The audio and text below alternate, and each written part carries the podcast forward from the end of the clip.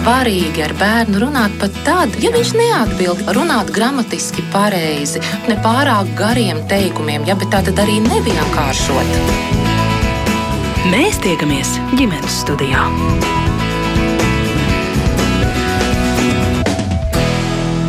Labdien! Ir jāpanāk, lai katrā Latvijas reģionā ir, ir pieejami valsts apmaksāti zobārstniecības pakalpojumi visu diennakti bērniem līdz 18 gadu vecumam. Tāds ir uzstādījums iniciatīvai portālā Mana balss LV, un tā ir vairāk nekā 10 tūkstoši atbalstītāju, un šobrīd tā iesniegts saimā. Kā iniciatīvas autori un kā zobārsti redz risinājumu problēmai, kad bērnam sāk sāpēt zobs brīvdienās vai varbūt svētku dienās, bet palīdzība iespējama tikai atsevišķā zobārstniecības klīnikā klīnikās un par ievērojamu samaksu. Es Mairidz Noteņu skaidrošu sarunā ar studijas viesiem Rīgas Stradiņu Universitātes stomatoloģijas institūta bērnu nodaļas zobārsti Ilonu Viduskalni. Labdien! Labdien! Nu, man liels prieks, ka esat šeit pie mums studijā, bet pat tālruni mūsu sarunā sekos līdzi un piedalīsies arī Latvijas zobārstu asociācijas prezidents Antis Paiglītis. Labdien! Labdien! Un arī iniciatīvas iesniedzēja Inga Vanaga, un vairāk mēs Ingu Vanagu pazīstam kā arotbiedrības līderi, bet Inga ir arī trīs bērnu mamma. Un Inga, tas ir stāsts no jūsu pieredzes, kas vispār rosināja iesniegt šādu iniciatīvu. Jūs jau esat par to stāstījuši publiskajā telpā, bet varbūt atgādiniet arī ģimenes studijas klausītājiem. Nu, jā, mūsu ģimenē, diemžēl, izveidojās tāda situācija, kad bija nepieciešams saņemt šo palīdzību jau, un situācija tiešām eskalējās pa stundām, karstā vasaras dienā, pavadot laiku pie jūras, un tas bija viens no iemesliem arī, un mēs arī nevaram izslēgt, jā, kad tiešām tur varbūt bija tādi, kā saka, problēmas, kas nebija tā vizuāli pamanāmas, un neliekšos mēs arī Pirms tā gadījumā kādu pusotru nedēļu bijām apmeklējuši zobārstu un nebija nekādas tādas indikācijas, ja, ka varētu būt kādas problēmas, bet nu, notika kā notika un katrā ziņā mēs meklējām palīdzību un sapratām, ka no valsts, nu tātad puses, vai tā būs slimnīca kāda vai stomatoloģijas institūtā, diemžēl to saņemt nevarēja šādā situācijā, ja, kas arī ir saprotams, un es nenosodu nevienu, ne ārstu, ne arī šīs stomatoloģijas institūta darbinieks, jo viņiem arī ir savs darbs un sava darba samaksa. Un tad privātā sektorā mēs šo risinājumu atradām, kas, protams, maksāja diezgan ievērojami, bet mūsu ģimene varēja atļauties to samaksāt, mums bija arī transports, lai nokļūtu. Bet tajā brīdī, nu, tad, kad mēs nu, nu, šo norēķinu veicām, Es nu, aizdomājos par tām ģimenēm, kurām nav transports, kurām nav šādu finansējumu, ko samaksāt un bērnam palīdzēt un teikt, pagaidi pacieties, un pat varbūt situācijās, kad arī mēs kā pieaugušie esam, nu, vainīgi, ja kaut kas tam ir nonācis, bet lai vai kā bērnam tā situācija ir izveidojusies, palīdzība ir vajadzīga, kur to saņemt, par kādu naudu, tā bija tomēr problēma, un tāpēc es arī izstrādāju šo iniciatīvu, lai visām pusēm kopā būtu iespēja meklēt risinājumus, protams, arī preventīvi visiem vairāk sadarboties, lai mazāk nonākam līdz akūtām vai neatliekamām situācijām, bet arī, lai ir šis finansējums arī zobārstiem par viņu darbu ar bērniem, Jo mēs jau arī ļoti labi zinām, ka tā samaksa arī viņiem nu, nav motivējoša, ja, viņi daudzi labprātāk sniedz šo pakalpojumu pieaugušajiem. Tāpēc te ir tāds komplekss risinājums nepieciešams, gan preventīvais darbs visiem kopā, gan arī, protams, finansējums, lai šādi speciālisti būtu pieejami, cienīgi atalgoti, un lai ir tā palīdzība vajadzīgā brīdī pieejama, nevis uh, jālauza galva, vai saņemšu, kur saņemšu, vai varēšu samaksāt, vai nevarēšu samaksāt. Aicinājums arī mūsu klausītājiem, ja esat saskārušies ar šādu, šādu situāciju, īpaši jau tie, kas dzīvo attālāk no Rīgas, tiešām lūgums uzrakstīt ģimenes studijā, izmantosim arī jūsu pieredzes stāstu raidījumu laikā, bet, nu, vēršos pie zobārstes Ilonas Viduskalnas. Jūs arī redzat, ka tā patiešām ir problēma, ja bērnam sāk sāpēt zobs, tā ir brīvdiena vai svētku diena? Uh, labdien, klausītāji, un labdien, mammas! Kurām ir vienmēr jārisina daudz un dažādas problēmas.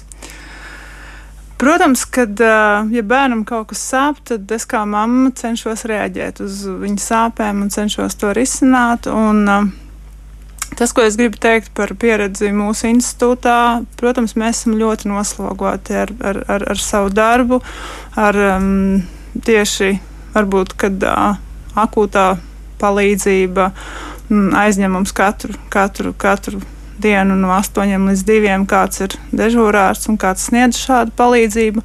Un, protams, bērniņu ir ļoti daudz, un pamatā mūsu nodaļas dobārs tomēr visi ir speciālisti. Un, uh, iepriekš mēs vienmēr lūdzam, lai pacients sazvana reģistratūru un nu, veids pierakstu. Bet, ja šāda iespēja nav, tad vienmēr reģistratūra nāk un konsultējās ar speciālistiem un prasa, nu, ir tāda un tāda situācija, vai varēs šādu bērniņu paņemt. Un iespēja robežās nevienam pacientam netiek atteikta šāda palīdzība. Bet ir šādas situācijas, nu, ir šāds, ka tiešām akūti, kā mēs ir, dzirdējām Ingas Vanagas stāstā, pusotru nedēļu pirms tam bija bērns pie zobārsta un pēkšņi akūti izveidojās tā situācija. Jā, šādas situācijas ir, jo, kā mēs to ļoti labi zinām, jebkura ārstēšana, pat tad, ja. Uh, nu, es, es nevaru teikt par konkrēto gadiem, jā, jo es neesmu apskatījis ne pacientiņu, ne, nezinājusi, kas ir bijis iemesls. Bet uh, ar, ar bērnu zobārstniecību ir tā, ka pat plombēti zobi, pat ārstēti zobi mēdz iekaist un mēdz radīt šādas akūtas situācijas. Un, it īpaši pienzobos katrs ceturtais varbūt arī neveiksmīga ārstēšana. Un, un ja ir tāda, respektīvi, tātad kādi, kādi, kādi stāvokļi var radīt šādas sāpes. Ja? Um, Tā kā faktiski Neārst... tie ir tādi objektīvi iemesli, kāpēc varbūt bērni arī biežāk saskars ar šādām situācijām nekā, piemēram, pieaugušie. Tie ir objektīvi mēs, iemesli. Mēs tā kā mazāk dzirdam, ka tur pieaugušie sūdzās sāka sāpēt zobus brīvdienās vai svētku dienās vai, vai naktī un nesaņēma palīdzību. Nu, bērniem viss, kā lai sacīt, gan slimības, gan arī iekaisumi norit ļoti ātri un ļoti strauji, tāpat kā arī ārstējās viņi ātrāk un straujāk. Ja? Nu, tā tad neārstēts vai, kā mēs sakam, un nekontrolēts kāries, jo kāries, ja viņš ir bojājuma līmenī, izārstēt nevar. Viņu var tikai kontrolēt. Ja? Viņu var tikai kontrolēt. Nu, tad, uh, Tātad viņš var radīt nervu iekaisumu. Nervu iekaisums tas ir tā, ka bērnam vienkārši ir sāpes, un, un viņam ir stipras sāpes. Parasti viņš, tās ir nakts sāpes vai vakar sāpes un uh, viņš negrib iet gulēt, vai viņš var arī pamosties naktī ar sāpēm. Tad nu, vecāki ir, protams, uztraukšies un, un grib saprast, uh, ko viņam iesākt un ko viņam darīt. Un tas, ko es gribu teikt, droši. Jā, parasti jau bērns gan norāda vai nu uz zobiņu, vai nu uz austiņu, kas viņam sāp. Tad šajā situācijā es gribētu ieteikt, ka uh, mēs izvērtētu viņu kā akūtu situāciju un mēģinātu bērnam iedot pretsāpju medikamentus.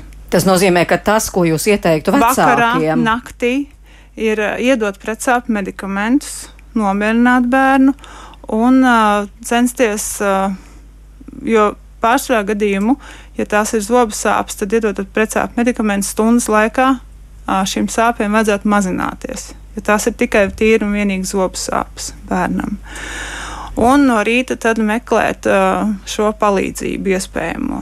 Jā, Jā Paiglīša kungs, varbūt te varētu Jā. paturpināt zobārs teikto, jo te droši vien jāatšķir tās divas situācijas. Ir akūta un situācija un neatliekama. Kā jā, tās jā. vispār, piemēram, mammai un tētim atšķirt, jo mamām visas liekas neatliekams šādas Protams, situācijas. Protams. To visu var mammas un tētis arī starp citu sap, saprast Un, protams, kad ir, ir jāatšķir tā neatliekamā no akūtās. Un, ja kā es jau teicu, ka neatliekamā palīdzība, tā ir palīdzība dzīvībai bīstamos gadījumos. Nu, tās ir traumas, bērniņš var vakarā arī pakrist, ja kaut kur pārsist lūpu vai, vai, vai, nu, mazliet izkustināt kādu zobiņu. Tās ir alerģijas. Tie ir tādi, nu, iekaisumi zobu patoloģiskās šķilšanas gadījumos arī tādi ir. Un tie, prot, un ir, protams, sastartojumi, tie, protams, ir neatliekamā palīdzība, un tur es gribu iedrošināt visus, kad, um, kā Vanāks kundze teica, viņi bija slimnīcā, tu man jau var, var griezties jebkurā slimnīcā, ja viņi arī jebkurā nespēs palīdzēt, tad šādā dzīvē bīstamos gadījumos viņi vai nodrošinās to, lai tāds bērniņš tiek līdz tai palīdzībai īstai, vai atkal, vai atkal paši ņems un aizvedīs, un, un tas ir tāds neatliekams jautājums. Par to jau droši vien mēs ne, nepieskarsimies, bet katrā ziņā tāda palīdzība diennakti 24-7 ir. visu laiku, un pamatā viņas snieg, tiek sniegta uh, Stradiņas slimnīcā, lai tas būtu zināms, zobārsnici, tas ir sejas ķirurģijas centrā, bet, nu, droši vien arī bērnu slimnīcā kaut ko viņi spēja darīt, vai atkal pārvirzīt. Tā to akūto palīdzību, nu, tās ir zobu sāpes, tās ir zobu sāpes, un, protams, es nevaru izmeklēt tagad, un es ne, neskatījies to gadījumu, kā tas ir bijis jūrmalā, un kā tur, kā tur, teiksim, tas ir bijis, vai tas ir sācies momentāli uz vietas, Nu, lielākoties akūtā palīdzība, nu vismaz 70-80% jau ir parādījusi kādu dienu iepriekš, ka šāda problēma ir. Un uh, viens no, teiksim, tādiem jautājumiem, kas, manuprāt, ir izcināms uzreiz, tas ir savus zobārsts, ja uh, Vanēks kundze saka, ka bijis savus zobārsts, tad sazināties ar savu zobārstu, uzrakstīt īziņu, paprasīt, tas, ja mums laiks vēl ir. Nu, tas nav tā, ka uz minūti uzreiz sāk sāpēt viss, ja. Uh, lielāko tiesu, ar ko es esmu saskāries, protams, ar visu, ar visu iepriekšējos gadus, tā ir lieta, kad, uh, kad tiešām divas dienas jau sāp un trešo vairs nevar izturēt, un kā zināms, uz nakti mums nāk tāds satraukums virsū, un tad mēs sākam meklēt uz nakti šo palīdzību. Uh, mums iepriekšējā laika periodā Latvijā ir bijuši vairāki tādi nakts punkti akūtās palīdzības sniegšanā. Uh, Zobārsnicības sejas ķirurģijas centrā dzirciemielā bērnu poliklinikā stabielā 9, bet lai optimizētu infrastruktūru, nu, slimnīcas masterplānā ietveros šādi iestādes iekļauj slimnīcas sastāvā, tur bija gan līdzekļu ietaupījums, gan veselības aprūpas uzlabošana, un uh, pārvirzīt šo te sadaļu uz darbu, kur vecāki ar, kopā ar savām maņu iet pie savu uh, bērnu zobārstu vai kopā ar savām ģimenēm iet pie ģimenes zobārstu. Mm -hmm. Šī virzība Jā. pārgāja uz to, lai tas nebūtu sniedzams naktī. Nu, un naktī tikai šo uh, at, uh, no, no, noņemt šīs sāpes ar medikamentiem varētu. Tā ir virzība patreiz visā Eiropā. Jā, bet nu, jūs te pieminējāt tiešām to ideālo variantu, savus zobārstus, savus ģimenes zobārstus, un tas jau būtu vienkārši ideāli, bet nu, bieži vien tiešām tā nav. Uh, un vecākiem, nu, viņi nav, nevar tik vienkārši izšķirt, kā jūs, kā mediķis, tur neatliekam, tur akūtu palīdzību, vai par šādiem gadījumiem var zvanīt, piemēram, arī ģimenes ārstiem, kur ir uh, šis te neatliekamais tālruns un pakonsultēties domāju, vai uz. Domāju, jā, Noteikti. Es domāju, ka noteikti, un tas noteikti būtu jādara, ja savus zobārus neatbild. Nu, lielākoties man jau liekas, ka tas pozitīvais, pozitīvais ir tas, ja ir tas savus zobārs, un jūs esat pietiekoši daudz pie viņa gājis, un jūs viņu pazīstiet. Nu, vispār jau es vienmēr teikšu, ka ārsts un, un pacients tur jābūt ļoti labai sadarībai. Ja šīs sadarības nav, ja mēs aizējām reti, mums nekāda diskusija un, un komunikācija nav, tad, protams, šī ārstniecība ir maz rezultatīva visos uh, medicīnas aspektos, ne tikai zobārstniecībā. Inga Vanaga, vai jūs apmierina tik tālu, jo jūs arī tos piedāvājums, kā to varētu risināt pa soļiem, uh, izvirzījāt, bet tik tālu, piemēram, kā saka Paeglīša kungs, tad, tad katra ģimene meklē savu ģimenes zobārstu, un ja nu tiešām tā ir noticis, ka tur naktī ir sasāpējies, tad dod uh, nu, tādus precāpju medikamentus un risina problēmu nākamajā dienā. Uh, nu, daļēji kaut kādā mērā, protams, varētu piekrist, bet tam, ko es tomēr aicinātu, ja, arī, protams, mums vecākiem pie pašiem jāizglītojās, ja, un speciālistiem arī, nu, jānāk palīgā, ja arī vecāki jāizglīto šajos jautājumos, un te jau ļoti daudz labas iestrādes, to var tiešām pamanīt, ja. Uh, par tiem medikamentiem, nu, redzat, nu, ir situācijas tomēr, kur arī es varu teikt, nu, ir situācijas, kur tu iedod medikamentu, viņš uz kādu laiku nostrādā, un tad, nu, paiet kaut kāds laiks, un atkal, jā, nāk tas sāpju vilnis, un tu taču nevar arī 24 stundas bērnu turēt uz kaut kādiem pretsāpju līdzekļiem, jā, un tur, nu, tas ir, nu, kā saka, un tieši tā, kā jūs sakat, vecākam nevienmēr ir tās prasmes novērtēt akūts vai neatliekams. Mūsu gadījumā nebija dzīvībai bīstams, bet tu jau nekad nevari zināt, ar, eh, ja tur strutojoši, kurā mirklī tas var kļūt par dzīvībai bīstamu, un negribās jau nonākt līdz tam mirklim, kad neatliekamā medicīniskā palīdzība jāsauc vai jāmeklē. Ja? Runājot par to ģimenes zobārstu, nu, tas ir tāds ideālais stāsts, un, un uh, es nezinu, cik daudziem Latvijas nu, ģimenēm ir tādi ģimenes uh, zobārsti, kur tu vari nu, pat, pat nu, pie viņa vērsties jebkurā diennakts laikā, pat arī samaksāt tik, cik tas pakalpojums maksā, jo daudz jau no viņiem ir kā darba ņēmēji kādā nu, uzņēmumā, ja kādā privāta praksē, un viņš taču nevar atnākt tā vienkārši atslēgt tās telpas, vēl dabūt dabūt kolēģi, kā, nu, zobārsta asistenta palīgi, es atvainojos, ir neprecīzi, ja nosauc šo speciālistu, bet, nu, katrā ziņā ir jau arī, nu, kā viņam ir arī, kā kolēģim, ja, kāda palīdzība ir vajadzīga, lai kopā var sniegt to, pa, nu, to pakalpojumu, ja. Un tad, tad Nu, tas, man liekas, ir ideālais variants, ja, bet cik daudz ģimenes kaut ko tādu var atļauties ja, un samaksāt uh, tam zobārstam šādās dzīves uh, situācijās, kurās, protams, būtu jādara viss, lai nenonāk šādās situācijās. Bet nevēl ir parakstījuši vairāk kā desmit tūkstoši, jo es teikšu, jā, es to iniciatīvu vairāk kā pusotru gadu atpakaļ izstrādāju un uh, neveic tādas īpašas aktivitātes, lai to popularizētu, ja, bet tie paraksti paši tur, nu, kā saka, saka nu, paši, bez, nu, kā es teicu, ja bez tādas īpašas popularizēšanas savāsās, tas nozīmē, ka tā nav problēma piecās, desmit ģimenēs, ja, un ka nebūtu labi to visu noliegt, bet kopā visām pusēm sadarboties un meklēt tos risinājumus, bet, kā es teicu, finansējums zobārstiem arī par darbu bērniem, lai viņi ir pieejamāki, preventīvi, lai nav ne akūta, ne neatliekama palīdzība. Un to taču mēs daudz zinām, ka tā ir problēma, ka nav pietiekams finansējums par šo darbu zobārstniecības speciālistiem ar bērniem. Ja? Un rindas ir garas. Tā kā tāds garš komentārs, jā, bet, uh, bet ģimenes zobārsts, es domāju, ka tas ir, tā, tā jau ir ekstra un uh, lielākajai daļai Latvijas iedzīvotājiem tas nav pieejams. Varbūt nolasīšu arī divus klausītāju komentārus. Elīte mums raksta balvu pusē ļoti atsaucīgi zobārsti, un ļoti daudzi atrisin, daudziem atrisinājuši sāpīgas un stresainas situācijas ar savu sirsnību un pieejamību, bet tā ir viņu privātā attieksme ar savu atsaucību. Savukārt vēl mums ir tāds komentārs, tātad. Mīļie, mums nav katrā lielajā pilsētā savas diennakts ap, aptiekas, nu kur nu vēl zobārsts. Esmu no Jēkabils un tuvākais zobārsts akūtā gadījumā ir tikai ogrē. Nu tā ir tā pieejamība. Uh, Baiglīši kungs, ko jūs uh, teiktu, kā jūs redzat šo zobārstu pieejamību un īpaši bērnu zobārstu pieejamību, jo ne visi zobārsti ņem pretīm bērnus? Es varbūt vēl paturpinātu Vanagas kundzes teikto, ka es tomēr negribu piekrist, ka kad vairumam, eh, teiksim, ģimenēm ir šie šādas problēmas. es domāju, mēs jau to dzīvē redzam, ka bieži vien tie ir tie skaļākie gadījumi. Un ļoti daudz, nu, kā jau jūs arī lasījāt, un es atceros, ka mēs kādreiz arī tikāmies ģimenes studijā, kur arī daudz zvanīja un teica, ka viņiem ir četri bērni un viņiem zobārs tiešām visu izdara. Es nevaru pateikt, ka jebkurš to dara, bet es tik gribu teikt, ka tā ir, tas ir labais piemērs, uz ko mums jāiet, un vairumam ģimeņu. Es domāju, šis labais piemērs ir. Es gribētu teikt vienu lietu, ka mēs atkal no vienas puses, mēs, protams, rūpējamies, un, nu, piedošana, man arī ir bērnu, mazbērnu, un, un es pa viņiem rūpējos, tad es gribētu teikt tā, ka bērniem naktī, nu, es teikšu, varbūt kāds dusmosies, bet tiešām ir naktī ir jāguļ.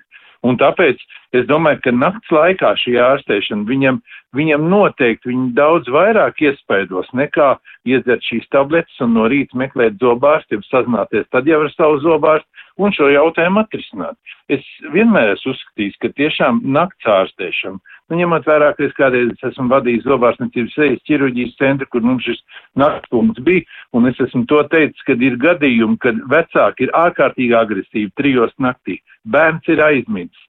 Dakteris ir, ir attiecīgi arī nakts dežūrā, ja, un tur šī komunikācija iznāk vēl sliktāk, un tur nevienmēr var teikt, ka tā ārstēšana ir kvalitīva. Tāpēc daudz labāk ir tomēr atrast, teiksim, iedzert šo medikamentu un no rīta doties. Bet tas, kad tas ir vairumam ģimeni šāda problēma, nu, es negribētu piekrist, bet, redziet, mums jau nav statistikas, ne man, ne manāks kundzē, mēs jau nevaram tieši pateikt, bet tas ir, nu, mums vienmēr jācenšas uz labo iet. Mums nav jēga spērt soli padomu sistēmas, teiksim, virzienā un tagad nodrošināt visiem nakts palīdzību, kur, nu, ir pus, pus uh, normāli, ja? -hmm. Un drīzāk mums jāmeklē par to, kādā veidā mēs varam risināt jautājumu. Nav jau visiem jāmaksā. Kāpēc ir, ir apmēram, es skatījos, šodien ir 1285 speciālisti no 2000, kuri strādā ar Nacionālo veselības dienestu. Ja? Un tiešām ir ļoti daudz speciālistu. Jā, mums ir jārisina jautājums par to, lai būtu šiem ģimenes ārstiem. To es patreiz arī veselības ministrijā jau otro gadu.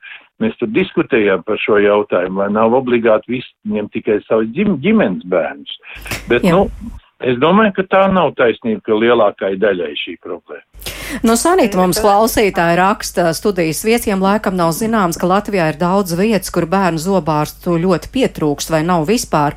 Mūsu ģimenes zobārsti ar bērniem nestrādā un nestrādās principā. Tā kā tas ir tas, eh, par ko mēs runājam, ka, protams, varbūt arī labi izskatās uz papīra, ka daudz ir saslēguši tos līgums ar Nacionālo valsts dienestu, kas nodrošina bērniem šo bezmaksas zobārsniecības palīdzību, bet, ja zobārs pasaka, ar bērniem nestrādāju, nu tad tas ir maksas pakalpojums. Bet kāpēc tik dārgi? Es tiešām esmu dzirdējis šo summu 100 eiro kaut kur. Dažādi pieredzes stāsti te klejo sabiedri, tajā mm, sabiedriskā telpā var par tiem lasīt. Inga Vanaga, tam ir kāds pamatojums šie 100 eiro tiešām? Tad, ja, tad, ja nav savs zobārs, un tad, ja netiek pie šī valsts apmaksātā zobārsta, un ja tā ir akūta situācija. Nu, ziniet, tajā akūtajā situācijā, jā, mums tā izmaksa bija tuvu tam 100 eiro, jā, bet mēs to, mēs bijām iepriekš informēti, un tā ir katra paša izvēle, vai tu to dari vai nedari, vai dot tos medikamentus, un tur ciet to naktī, jā, tas bērns, viņš jau nevar pagulēt arī ar visu medikamentu, un mums bija tāda situācija, kāda bija, bet es negribētu, lai būtu koncentrēšanās uz, uz mūsu ģimeni, bet uz problēmu kopumā kā tādu, jā, jo, Jo tas, kam mēs gribētu vērst uzmanību, nu, ka, nu, ir tā, tas ir, par to ir jārunā un uh, arī jānonāk līdz praktiskai darbībai. Pirmkārt, lai ir ātrāk preventīvi pieejami, lai arī zobārsniecības speciālisti ir motivētāki finansiāli strādāt ar, ar bērniem, ja, jo skaidra daļa, protams, nu, nav gatavi strādāt ar bērniem arī viņu, nu, kā saka, uzvedības dēļ, ja dažādi, dažādi ir bērni, dažādi arī vecāki viņus sagatavoja, un, nu, dažādi, ja, bet daudz jau arī nelieksimies šī finansējuma dēļ, apsakās, nu, kad nav finansiāli izdevīgi un ko tur nosūtīt. Katrs jau tomēr tās studijas arī, nu, nav nekādas lētākas, ja, un, un arī viņam ir jāizdzīvo, bet par to finansējumu par tām cenām, nu, akūtā situācijā katrs prasa tik, cik viņš uzskata, ka ir nepieciešams par viņu sniegto pakalpojumu, bet, nu, es arī, nu, kā mēs arī vadot bērnus pie speciālistiem, arī, nu, tās mēs maksājam, mēs tās rindas negaidām, jo tās ir garas, Tās, jā, ir pieejamas laicīgi, jā, tu vari pierakstīties, bet arī pie higienas ir diezgan ilgi jāgaida, ja tu gribi to valsts apmaksāto pakalpojumu. Un, un mēs varam samaksāt, un es nesūdzos, un mēs to darīsim kā, nu, vecāki, ja. Bet ko tad darīt tiem, kas, nu, nevar tomēr, jā, tā izbraukāšana un, un tas laika periods arī, un kura gaidot tai rindā arī tomēr var pasliktināties, ja situācija es, es vairāk vēršu uzmanību uz tām ģimenēm, kurām nu, nav tādu to iespēju, ja, un kur valsts sniegtais pakalpojumu gaidīšana ir tomēr nu, salīdzinoši garš tas periods. Uz to es vairāk virzu, lai preventīvi agrīni speciālists pieejams, biežāk pieejams, lai viņš ir motivēts un lai ir visu iesaistīto pušu ciešāka sadarbība jau nu, pamatiņos ieliekot. Mums arī neliekšos, mums arī ir dažādi ar visiem trīs bērniem ar zubu kopšanu, un domāju, tā ir daudzās ģimenēs, ja, kur ir vēl vecākiem, ko piestrādāt, neliedzos, bet uh, uzsvars jau ir uz to nacionālā līmenī ir izcināt šos jautājumus. Jā. Preventīvi kopā un valsts apmaksāts un motivēts speciālists, lai bērnam ir laicīgi sniegta nepieciešamā palīdzība, nevis novēloti. Nu jā, nu ja tur... drīkstētu jā. vēl varbūt tieši jā. par to maksu Nu, tā maksa būtībā uz šodien nav mans jautājums, tas ir Nacionālais veselības dienas, ja mēs runājam par tarifiem, kur ir Vanēs kundzei taisnība, bet e, tā lielā summa, es godu vārds viņu neatbalstu, es varu visiem pateikt, es to neatbalstu, man ir grūti pateikt, kāpēc šīs lielās summas tik lielas ir, bet, nu, tā ir savukārt iespēja, tā ir nakts, līdz to vajadzētu domāt vairāk par dienu. Ja man kāds zvana, es saku tikai neiet naktī, jo, jo, jo tā summa būs liela kas attiecas uz, teiksim, tādu finansējumu, kas ir tiem, uh, kuri nav līguma attiecībās. es esmu daudz arī runājis par šo te jautājumu, un, un es vienmēr zinu to, un es esmu tā kā interesējās gan saviem kolēģiem, gan, nu, gan man ir arī man ģimenes praksa, kas strādā, es tur nestrādāju, bet katrā ziņā es tur zinu, tad, protams, ka šīs summas nav tādas, kādas ir pieaugušo cenā, jā. Ja? Viņas ir, protams, zemākas, bet tas ir tādā gadījumā, ja iet visi kopā, ja visa ģimene, tad, protams, tur šīs summas ir mazākas.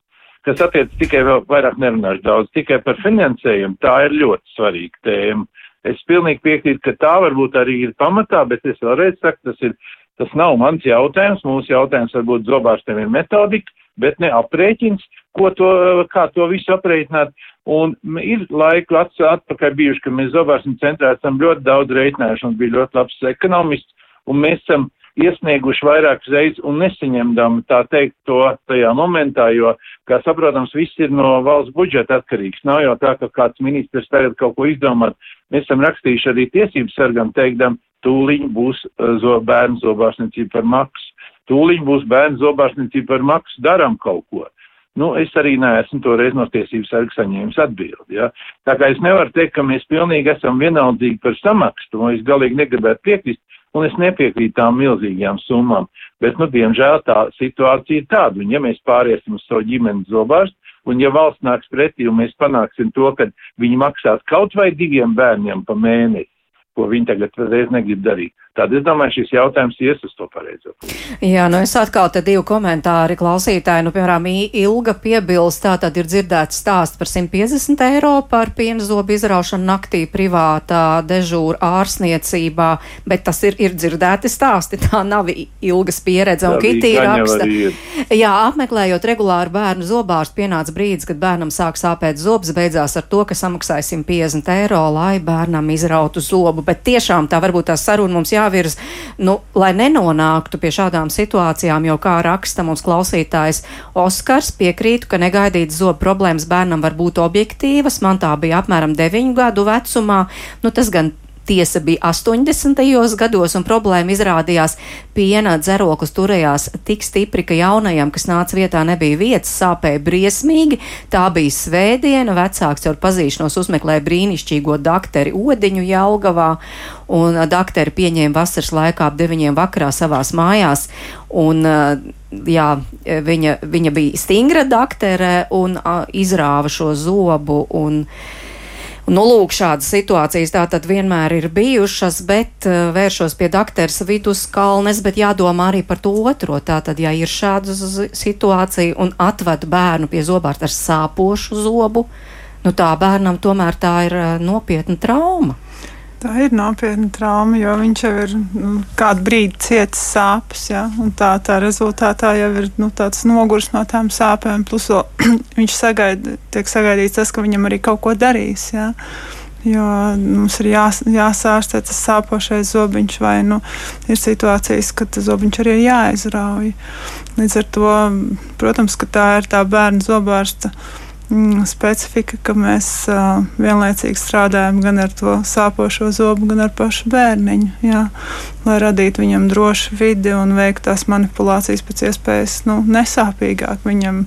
Bet, uh, šādi, Vai tas nu, vispār ir iespējams šādā situācijā veikt nesāpīgi, un lai pēc tam bērns gadiem nedomātu par to, ka, nu nē, lai nu kur, bet pie zob zobārsta es nemūžam neiešu? Nē, nu. Ir daļa manipulācija, kas vienalga ir jāpacieš lokāla anestēzija. Jebkurā situācijā bērns kaut ko jutīs. Ja, ja mēs to nedaram vispār anestēzijā, tad, tad šo lokālu anestēziju bērns jūt. Ja bērns ir gatavs uz sadarbību un, un gatavs izturēt lokālu anestēziju un paciest šīs sāpes, tad jau tālāk mēs tālākās procedūras pāršā gadījumā ir nesāpīgas. Ja, nu, pie noteikumiem, ja tā anestēzija iedarbojās.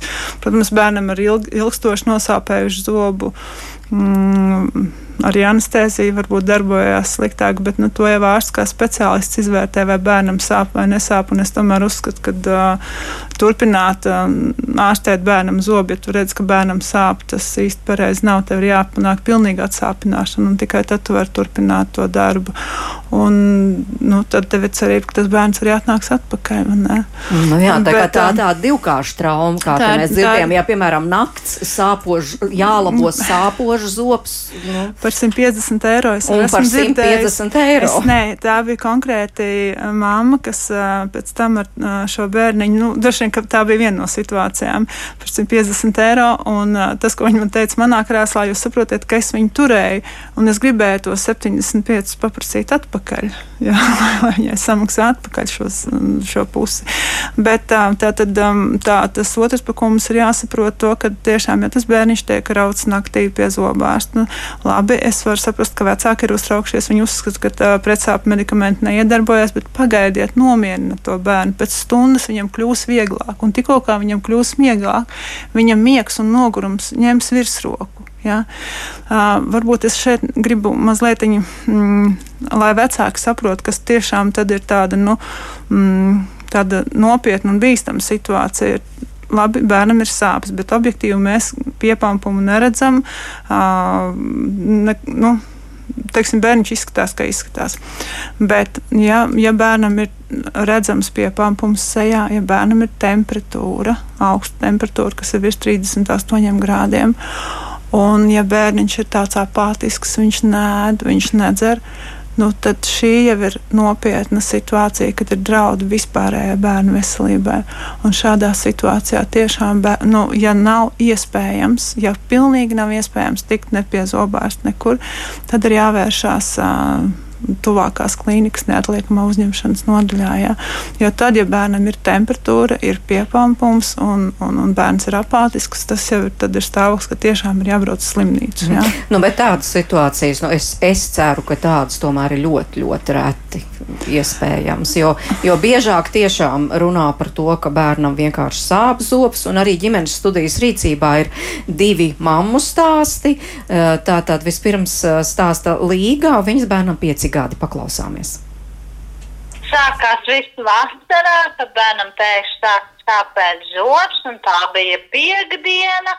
Un sestdien zvanām zobārstiem, visur, kur rakstīts, ka ir bērnu zobārsti.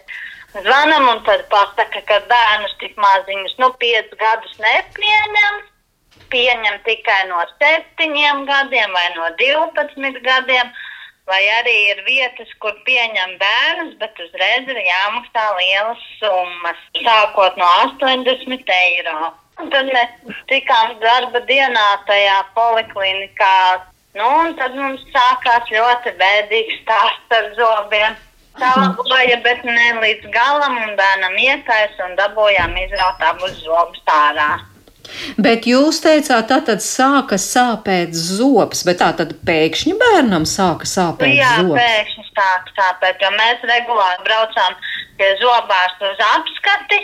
Un zobiņam viss bija kārtībā, un tad pēkšņi viņš sāk sūdzēties, ka viņam sāp.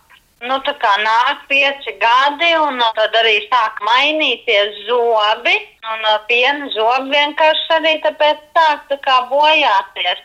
Nu, bet jūs taču tomēr atradāt to savu zobārstu, ja atrisinājās nu, tā tagad, problēma. Laikam, mēs, jā, mēs beidzot esam atrisinājuši, un zobiņi ir veseli un uzraudzībā, un braucam biežāk nekā tur sešu mēnešu starpā. Braucam ik pēc trīs mēnešiem uz pārbaudēm. Balstoties uz savu pieredzi, tad tur vajadzētu kaut ko uzlabot vai mainīt, lai tiešām varētu es... palīdzēt ātrāk tādās situācijās, ja bērnam ir sāpes. Jā, es domāju, ka vajadzētu varbūt tādus tā kā bērnu zobārus tieši arī brīvdienās, jo ar to nesaskaros es viena. Ir vēl daudz mammas, kuras lasu arī sociālos tīklos, kad uh, nav kur aizvest bērniņu brīvdienās. Jo ne visiem vecākiem ir tie 100 un eiro, lai iedotu bērniņam, pieņemsim, salabot zobiņu. Nu, tomēr es domāju, vajadzētu valstī vai kā padomāt par to, ka, nu, ja bērnam akūti sāp zobs, tad vajadzētu būt tām vietām arī akūtajos gadījumos vai bez maksas, tā nu, par nu, draudzīgākām cenām. Es domāju, ka tas ir visā Latvijā jārisina, jo ir arī, pieņemsim, pilsētas Altsgrīva, kur es zinu, kur vispār bērniem zobārs, tāds bērnu zobārs, mazo bērnu zobārs nav. Un vecāki ir braukt uz Rīgu labot zobus. Šī problēma ir jārisina visā Latvijā, tam piekrīt arī trīs bērnu māma Sandra no Valmieras. Bērnam deviņi gadi un tieši pirms Ziemassvētkiem uz uh, zobiņa un pamanīju tādu kā strutu bumbulīti. Nu, skaidrs, ka tas zobiņš ir jāņem laukā. Tā problēma vienkārši bija tāda, ka mūsu zobārsts zobiņus nerauja. Visu doktorē, bet uh, nu, zobiņus nerauja. Un tad viņi ieteica tāpat sazināties tāpat Valmierā. Mēs esam no Valmieras par tuvāko uh, kā lai saka, zobārstniecību, sarunāt šo vizīti un to zobiņu izcelt laukā. Sazinoties ar uh, Valmieras zobārstniecībām, tas bija decembra vidus, kad zvanīju, tad man piedāvāja februāri. Uh, tas trakākais ir tas, ka tu pat par maksu nevari tikt klāt uz šo pakalpojumu saņemt. Un tad iestājās tāds izmisums. Protams, variants, ka braukt uz Rīgas dienas klīniku un uh, viss tiks atrisināts, bet šeit, piemēram, ārpus Rīgas uh, reģionā šo situāciju atrisināt ir ļoti, ļoti grūti. Tad, protams, uh, māmiņa tīkls un uh, man ieteica sazināties ar vienu zobārsti Rujienas pusē un uh, sazvanīja, izstāstīja mūsu uh, nu, mums šī situācija pirms svētkiem veiksmīgi atrisinājās. Zobārsts mūs uh, uzaicināja uz vizīti un uh, tikām galā ar šo visu. Uh, Bet vairāk tas man tā, tā sāpes varbūt ne par šo konkrēto gadījumu, jo mēs viņu atrisinājām, bet par to situāciju kopumā. Jo arī cik esmu klausījies, vienmēr ir diskutēts par to, ka varētu būt kāds dežūra ārsts nu, pa maksu kaut vai, bet tomēr, kad šī iespēja vai šis pakalpojums pastāv, bet nu, reģionos, manuprāt, šī ir ļoti stāvīga situācija nevienai mammai vien, jo arī cik klausos apkārt draugu pulkā, nu, šīs nav vienkārši. Nu, bet kāpēc nevar arī pa maksu? Tas nozīmē, ka vienkārši zobārsts eh, atsaka bērnam vai vispār nav Jā, tādu zobārstu? Pieraksts ir pilns. Tas varbūt, ko es nesaprotu, jo, piemēram, tas pats arī ģimenes ārsts strādā.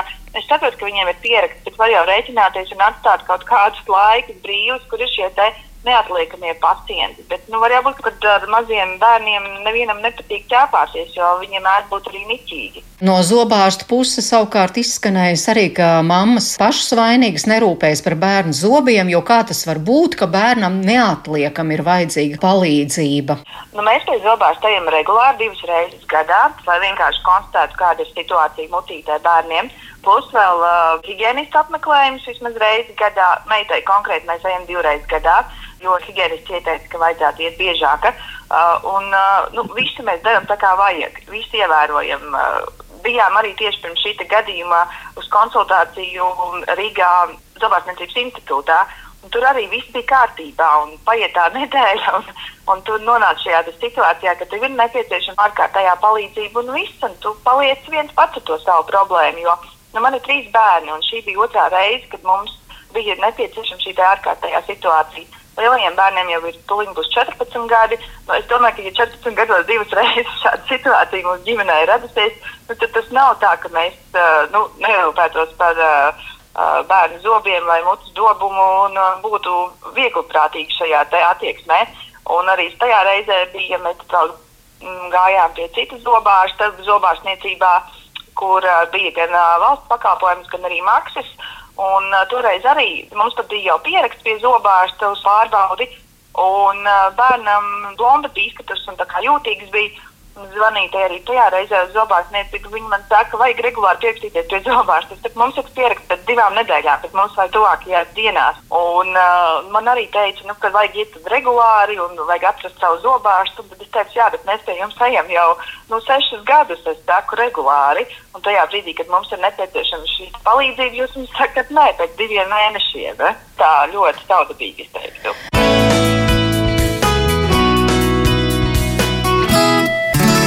Tāda ir māma pieredze, un to ģimenes studija klausījās kopā ar uh, Rīgas Stradiņu Universitātes stomatoloģijas institūta bērnu nodaļas zobārstu Ilonu Viduskalni. Starp citu, Ilona, e, jums ir sveiciens šeit no klausītājas Margarietas. Viņa saka milzīgs sveiciens un pateicība mūsu mīļajai dakterītei Viduskalnē no viņas trīs ikšķils pacientiem Jasmīnas, Kallas un Gundara Lasmaņiem. E, pa tālruni mūsu sarunā piedalās Latvijas zobārstu asociācijas prezidents Andis Paeglīts un arī iniciatīvas iesniedzēja Inga Vanaga un tā tātad Ingas ar savu iniciatīvu portālā Mana balss LV pievērs uzmanību situācijām, kad bērniem akūti nepieciešama zobārsta palīdzība un ir sarežģīti to saņemt.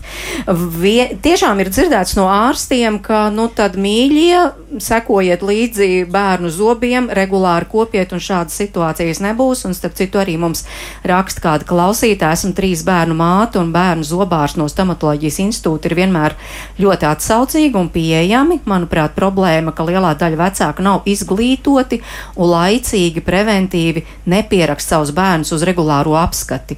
Tas arī atrisinātu daudz sāsināts situācijas. Katrā ziņā stomatoloģijas institūts ir brīnišķīga iestāde, nu lūk, jums slavas dziesma, bet uh, tātad Ilona varētu, ja būtu skrupulozāk tiešām vecāki sekot līdzi um, savu bērnu mutes higienai, tad vispār mēs šeit nerunātu. Es domāju, šī saruna, saruna neskanētu. Jā, paldies, mīļie pacientiņi un tie, kas uh, saprot un, un atbalsta arī bērnu zobārstu kā speciālists ar savu tīrīšanu pirmkārt. Ar, ar, ar tas, ko mēs varam darīt, mēs varam tīrīt bērnu zobus. Paši vecāki divreiz dienā, tas ir pilnīgi un skaidri pierādīts, ka divreiz dienā tīrīšana florīdu saturošu zobu bastu pasargā bērnus no kāries.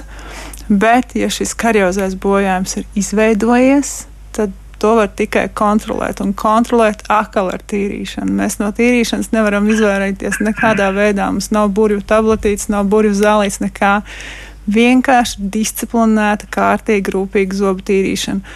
Līdz septiņu gadu vecumam tā ir pilnīgi vecāka atbildība. Absolūti. Jā. Mēs, protams, katru reizi iedodam bērnam, lai viņš iztīra un pamācam un, un, un sagatavojam viņu patstāvīgai tīrīšanai, bet katru reizi mēs pārtīram līdz pat desmit gadu vecumam. Un es pat ieteiktu tiem vecākiem, kam ir bērnu pusauģi, kas dzīvo uz Marsa, arī viņiem paskatīties, kā viņiem iet ar zobu kopšanu. Jā. Tā kā tā ir, protams, nepārtraukta un sistemātiska vecāku nu, centības un rūpes. Bet tas, ko es vēl gribu pieminēt, ka um, strādājot ikdienā un strādājot praksē, uh, ļoti daudz zobārstu arī, nu, kā es sacītu, jāsaka redzot, ka situācija ir nopietna, ka bērniņš negrib sēdēt, viņš nesadarbojās. Ja? Varbūt nepasaka vecākiem stingri, ka jums tomēr ir jāmeklē cita speciālista palīdzība, kur ir kādas citas iespējas šādu nesēdošu bērniņu ārstēt. Ja? Vai nu tā ir sedācija, vai nu tā ir, teiksim, smagākos gadījumos vispār anestezija, kad bērniņš tiek iemedzināts un tad tiek zobiņu ārstēti visi. Tas ir, ir viena lieta. Otra lieta ir tas, ka ir prakses, kur, teiksim, neveic šo saucamo rengnoloģisko izmeklēšanu. Tad mēs apskatāmies bērnu mutīti, mēs izvērtējam viņu stāvokli, un mēs uh, paralēli veicam arī rengnoloģisko izmeklēšanu, jo ir daudzi caurumi, kurus mēs no virsmas nemaz neredzam, kuri veidojas zobstarpās. Un to, ko mēs neredzam ar aci, tas dažkārt ir visbīstamākais. Ja? Un tāpēc ir tā, ka mamma saka, es taču savu bērniņu vedu, un man teica, ka nekā nav. Un pēkšņi ir tāda situācija, ka bērnam ir divi vai trīs caurumi, kas ir auguši zobstarpās un kas varbūt ar aci nav pamanām. Ja? Un ja praksē nav tādas rengnoloģiskas izmeklēšanas un ārsts to neveic, vai nu, tas ir arī tīri nu, sarežģīti Jo nu, arī tādus bojājumus ir grūtāk izārstēt. Līdz ar to nu, tehniski to var arī teikt, ka, protams, tā ir vecāka atbildība, bet dažkārt arī, arī nu, to, to zobārstu atbildību, kas to bērnu mm -hmm. ir mhm. apskatījuši. Ja? Jā, nu droši vien jūs atbildējāt arī uz Ilzas jautājumu, kur bērns ar autiskā spektra traucējumiem un tiešām grūti ir neiespējami atrast zobārstu, uh, kurš spētu bērnam palīdzēt, tad tā arī bija atbilde, bet Nora mums raksta, man ir divi pieauguši dēli, un viņi zina, ka skolas brīvlaiks ir oktobrī un martā, un jau vasarā pierakstu bērnus pie zobu higienista un decembrī uz martu, un lūk, vienam dēlam 37 gadu, labots ir ir viens zops, otram dēlam 30 un neviens. Un, tā tad, un ziniet, lai vecāki rūpēs par saviem bērniem un viņu veselību un nepārliek savu pienākumu uz zobārstu un valsts pleciem. Inga Vanaga, ko jūs sakāt? Varbūt jā, vairāk jārunā par šādu striktu kārtību, ka tiešām tas katrs bērns nu, noteiktajā laikā nonāk pie zobārsta un lai neveidojas šīs akūtās situācijas, varbūt uz to ir jāliek uzsvars, tomēr domājot par izcinājumu. Es teiktu, ka te ir jābūt kompleksam risinājumam, kā jau es iesāku, ja, jau uz redzījuma sākumā, ka ir jāveicina visu pušu sadarbība, ja neizslēdzot, protams, arī vecāku izglītošana, arī cienīgāka samaksa zobārstiem, lai viņi ir motivētāki strādāt ja, ar bērniem. Iespējams, arī nepieciešams kāds vēl atbalsta personāls, lai arī saņemtu pakalpojumu tādu bērniņu, kam ir šīs speciālās vajadzības, ja, jo arī viņam un zobārstam nebūtu tur vienam, nu, kā saka, jāpanāk, ja, ka nu, var sniegt šo pakalpojumu nepieciešamo. Uh, tas ir visu pušu sadarbība, jā, un, protams, es arī kā trīsbērnu mamma varu teikt, jā, arī mūsu ģimenē vēl ir ko pilnveidot un iet dažādi ja, ar katru no, no bērniem, bet eh, nu, tā, tā pateikt, ka tagad strikti un nepārprotami divreiz gadā higiēnists un regulārs apmeklējums nenovedīs ģimenes pie akūtām situācijām, kādas jau te izklāstīja, ja, arī, nu, arī, ja šie, šie vecāki, nu, nebūtu arī labi, ka mēs tagad sāktu vainot. Nē, jūs vecāki vainīgi, bezatbildīgi, bieži tik nepaskatījāties, nepatīrījāt, ja, un tā pašā laikā, ka mēs tagad norādītu, ak, jūs zobārsniecības speciāls, negribat strādāt ar bērniem, lūk man rindas un tā tālāk. Es domāju, ka nevajadzētu nonākt uz pārmetumiem, bet drīzāk līdz, līdz, līdz, kā saka, sadarbības veicināšanai, izglītošanai, ja, un pieejamākiem speciālistiem. Ja, tā kā tas būtu tādi pamat, pamat, uza, pamat, kas saka, aicinājums un meklēt risinājumus tam visam un, un, un, un nevis vienam otru tagad pamācīt pa nakti vai pa dienu vai divreiz gadā vai trīsreiz gadā. Ir problēma, atzīstam to visu puses un meklējam risinājumus, lai palīdzētu mūsu bērniem. Jā, par šo valsts sistēmu es domāju, mēs te pirms neilga laika arī ģimenes studijā runājām un tad klausījāmies māmas stāst no Ziemeļvalsts, ka tur, piemēram, manuprāt, tas bija no Norvēģijas, ka tur ir šī valsts sistēma, kad tiešām zobārs trūpēs, ka tas bērns ir obligāti nonāk pie zobārs reizi vai divas reizes gadā, vai kā zobārs ir paredzējis, un ja to nedara, tad tiešām ir sankcijas pret vecākiem, ka viņi nav atveduši, bet valsts nodrošina. Nu, tādā ziņā.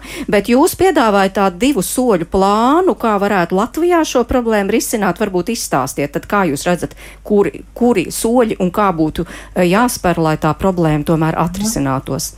Nu, jā, te droši vien būtu finansistiem padziļinātāk izpēti jāveic, bet viens no priekšlikumiem bija tāds, ka katrā reģionā tiek nu, nodrošināts, jāapmaksāts speciālists, alga, visa infrastruktūra nepieciešamā, uh, lai var sniegt palīdzību, ja šādās situācijās akūtās vai neatliekamās Uh, ja, un, tad, un otrs, ja gadījumā tas tomēr ir nu, fiskāli, tas noteikti arī ir ietilpīgi, tad uh, tomēr speciālists uh, var konstatēt, tā bija akūta situācija vai nebija, un tad simtprocentīgā apmērā kompensēt šos izdevumus par sniegto palīdzību, ja šos nu, zobārsniecības pakalpojumu. Uh, tad, nu, te ir tādi divi ceļi, ja, kas tiek piedāvāti, un tad tas būtu, nu, speciālistu kompetencē jau vērtēt, kurš, kurš, kurš no šiem risinājumiem būtu vispieņemamākais, jo kā jau arī taisnība, ja, ko speciālists teica arī Paiglīša kungs un arī, nu, zobārsts, ja, kad, uh, jā, nu, te ir tā izvērtēšana, kad akūts un kad neatliekams, Vecākiem droši vien tas būs uh, grūti izvērtēt, ja, bet speciālists jau to var nu, konstatēt un, un, un apliecināt dokumentāli un tad šādā veidā vismaz risināt, ja, tad, uh, lai nav ģimenēm tik lieli tēriņi un uh, nu, šādās dzīves situācijās. Bet katrā ziņā es varu teikt visatzinīgākos vārdus speciālistiem un uh, tiešām paldies, bet, uh, bet to, ka tai pieejamībai jābūt lielākai, to es domāju ļoti daudz atzīs vienalga, vai viņš ir apzinīgāks vecāks vai neapzinīgāks vecāks, bet pieejamībai būtu jābūt lielākai bērniem šim pakalpojumam. Paeglišs kungs, redzat, ka tā varētu risināt, tātad uh, panākt, ka valsts apmaksātu diennakts zobārsniecības pakalpojums sniedz katrā Latvijas reģionā un tātad pietiekams finansējums uh, saulaicīgai zobārsniecības pakalpojums saņemšanai, lai tiešām šīs ārkārtas situācijas nerastos tas tik jauki izklausās, nu, pieņemams finansējums un nofinansēsim un iedosim šo naudu. Manuprāt, ka tā problēma ir lielāka. Nu, mēs patreiz redzam pēdējos gados, ja, kad, nu, veselības aprūpē tiešām tiek daudz naudas dots, ja, bet tajā pašā laikā tas apmēram ir 15 gadus nedotās naudas. Un es kādreiz atceros tādu teicienu, kur teica, tas bija par deputātiem, bet nu labi, tas neko, neko personīgi negribu teikt. Ja mēs šogad nepacelsim par uh, deputātiem algas, mēs nākošais gadu pacelsim divreiz. Tad tagad, kad ir pagājuši 10, 15 gadi, kad visi tā nomērdēts, ja, tad es nedomāju, kāda nauda būtu jāiedod, lai varētu aicināt zobārstus, lai viņi iet un strādāt. Varbūt studentus var laist klāt. Es nezinu, un tas arī, manuprāt, nav sevišķi pareizi pie bērniem. Manuprāt, tā lieta ir ļoti apgrūtināta. Protams, par tādām lietām var diskutēt un pašvaldības vai dieviņās tas ir labi un galvenais jau mums šī diskusija, lai mēs kaut ko atrastu, ja. Uh, bet es domāju, ka naktpunktus atvērt bērniem, nu, es domāju, ka jūs paši saprotat, ka tas nav tā tīri iespējams, ja. Atstāt iekārtas sagatavot, jo zobārsniecības kabinets nemaksā 10 eiro. Zobārsniecības kabinets arī tos 150 nemaksā. Zobārsniecības maksā, kabinets maksā apmēram 50, 60 vai 70 tūkstoši, jo viņš jau arī jānodarbina tad pa dienu ir. Tur tā nevar tik vienkārši rēķināt. Bet ko varbūt es gribētu teikt, ka manā, manā izpratnē, es tomēr, varbūt jūs teiksiet, es esmu jocīgs joprojām, bet es tomēr pastāvu uz to labu variantu, uz to ģimenes zobārstu, jo kas ir tas labums? Tas labums ir tas, ka jūs variet aiziet ar viņu aprunāties. Es pieļauju, ka šodien varbūt vēl ir kāds zobārs, kuram varbūt pat nav laika runāt, ja, un varbūt viņš nemaz nav gatavots, bet patreiz šie jaunie zobārsti, viņi ir tiešām motivēti vairāk runāt, skaidrot, par to, kas būtu jādara par to pašu pirmo, par to profilaktisko daļu, ja? jo tas, manuprāt, visam mūsu sarunā jāliek ir sākumā, lai tā profilaktiskā daļa būtu tā pirmā, lai būtu uh, apmācība. Es jau arī esmu vienmēr par to, ka skolās jābūt jāatjauno veselības mācības un ministrija patreiz organizē dažādas lietas. Un tad, teiksim, dažādi bērni, kā daktarīte jau teica, ka tur ir runa par grūtākiem bērniem, vieglākiem bērniem un tā tālāk uh, ir bērnu zobārs, ko es bez sākumā teikt arī definīcija vai ne definīcija vai nozīmējums. Bērnu zobārs nenozīmē tikai tas, ka viņš vienīgais ārstē bērnus. Bērnus ārstē visi zobārs, tikai bērnu zobārs to dara um, nu, specializēti, jau apmācīti. Un tāpēc arī stomatoloģijas institūtam šī pateicība, ka tur šie, šie jaunie dakteri un dakteri vispār ir, viņi, viņi ir apmācīti vairāk to darīt. Paldies. Un tad vēl viens jautājums, es varbūt tikai vēl pateikšu par narkozi, ja mēs runājam, tas taisnība, ka viņiem varbūt daudziem narkozi vajag, bet visiem nevajag. Nevajag tiem, ka, kam ir vienkārši pa, pa, pa, parādījušies astoņi zobi. Tas kavē institūtu darbību, un institūts ir iestāde, kura ir, nu, augstākā līmeņa mūsu valstī. Paldies, jā, bet, dažādos grūtos gadījumos. Bet tas jau būtu cits stāsts, mums tulīt jābeidz, bet Inga, vēl vienu vārdu pasakiet, tātad šis jūsu iniciatīva, eh, desmit, vairāk nekā desmit tūkstoši atbalstītāji ir nonākuši saimā. Kas tagad notiek? Kad ir gaidāms kāds rezultāts? Pavisam īsi. Tātad tālāk ir sociālo un darba lietu komisijā, kur izskata arī šos veselības jautājumus. Šai, šai komisijai ir uzticēts izskatīt šo iniciatīvu un tad deputātu debatas un gala lēmums, ja, jo mandāta iesnieguma etikas komisija nolēma to, ka tas ir jāizskata šai komisijai, kuras kompetencē ir nu, šādi jautājumi. Tā kā jāgaida pēde un tad tālākie lēmumi deputātu. Gaidīsim rezultātus. Diemžēl saruna mums jābeidz. Paldies Ingai Vanagai, Ilonai Viduskalnei un Andim Paiglītim. Paldies, ka atradāt laiku. To jums saka ģimenes studijas producenti Ilza Zvaigzne, Rīta Karnača pie skaņpults un es mērīdz notiņu pie mikrofonu un aicinu jūs rīt kopā ar ģimenes studiju doties uz Sigūdu, ciemos pie Marko ģimenes un, un tur būs brīnišķīga mamma Sintija, kura ne tikai strādā bērndārzā, arī ir dakteris Klauns un kopā ar vīru Matīs audzina divus brašus puikas. Starp citu, vienam bērnam ir kustība traucējumi, kā ģimene ar visu šo tiek galā. Klausieties rīt un paldies, ka šodien tik aktīvi līdzdarbojāties mūsu sarunā. Visu labu!